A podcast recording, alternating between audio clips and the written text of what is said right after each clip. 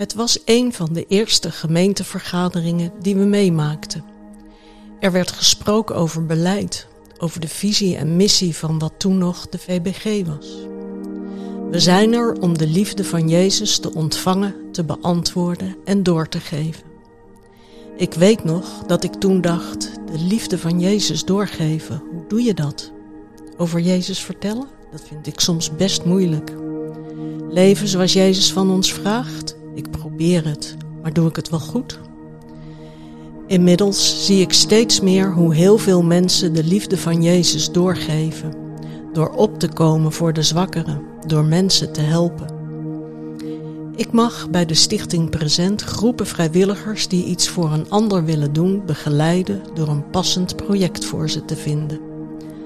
Een project zoek ik tussen de hulpvragen die we binnenkrijgen van diverse hulpverleners. En dat zijn veel hulpvragen, heel veel.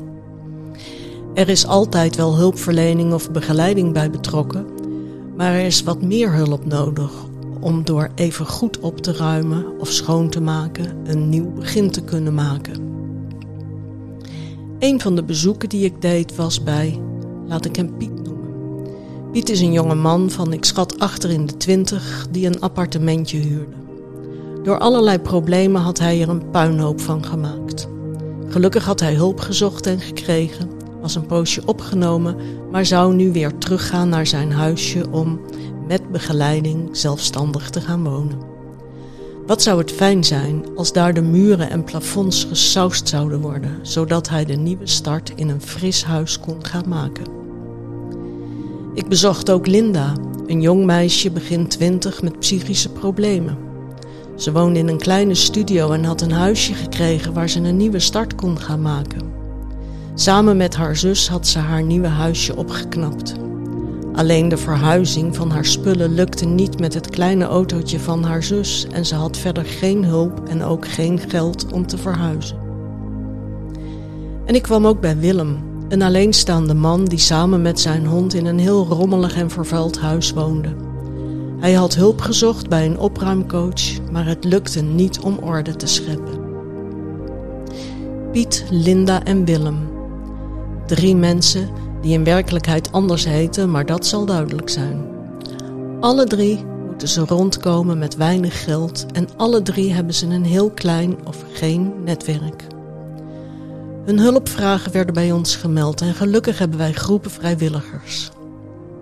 Vragen die vrijwilligers altijd wat ze willen doen, wat ze kunnen, wat ze leuk vinden.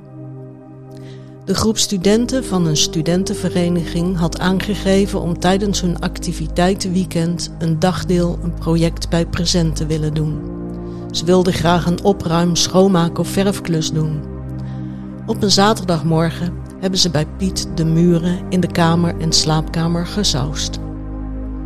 En een groep vrijwilligers uit een kerk die in een tijdcollecte een dagdeel beschikbaar stelde, wilde graag iemand helpen met verhuizen. En ze kwamen met een boedelbak bij Linda en hebben al haar spullen overgebracht naar haar nieuwe huisje. En de vrouwen van de Lady Circle, vrouwen tussen de 30 en 40 die naast allerlei andere activiteiten twee keer per jaar een project bij Present doen. Ze willen graag een schoonmaak- en opruimklus doen en gewapend met emmers, doekjes en dweilen hebben ze Willems huisje weer spik en span gemaakt. Piet, Linda en Willem waren zo blij met de hulp die ze kregen. Mooi om je zo, bijvoorbeeld met je kring, in te mogen zetten voor een ander, onbaatzuchtig en zonder oordeel iemand helpen. Dat is ook de liefde van Jezus doorgeven.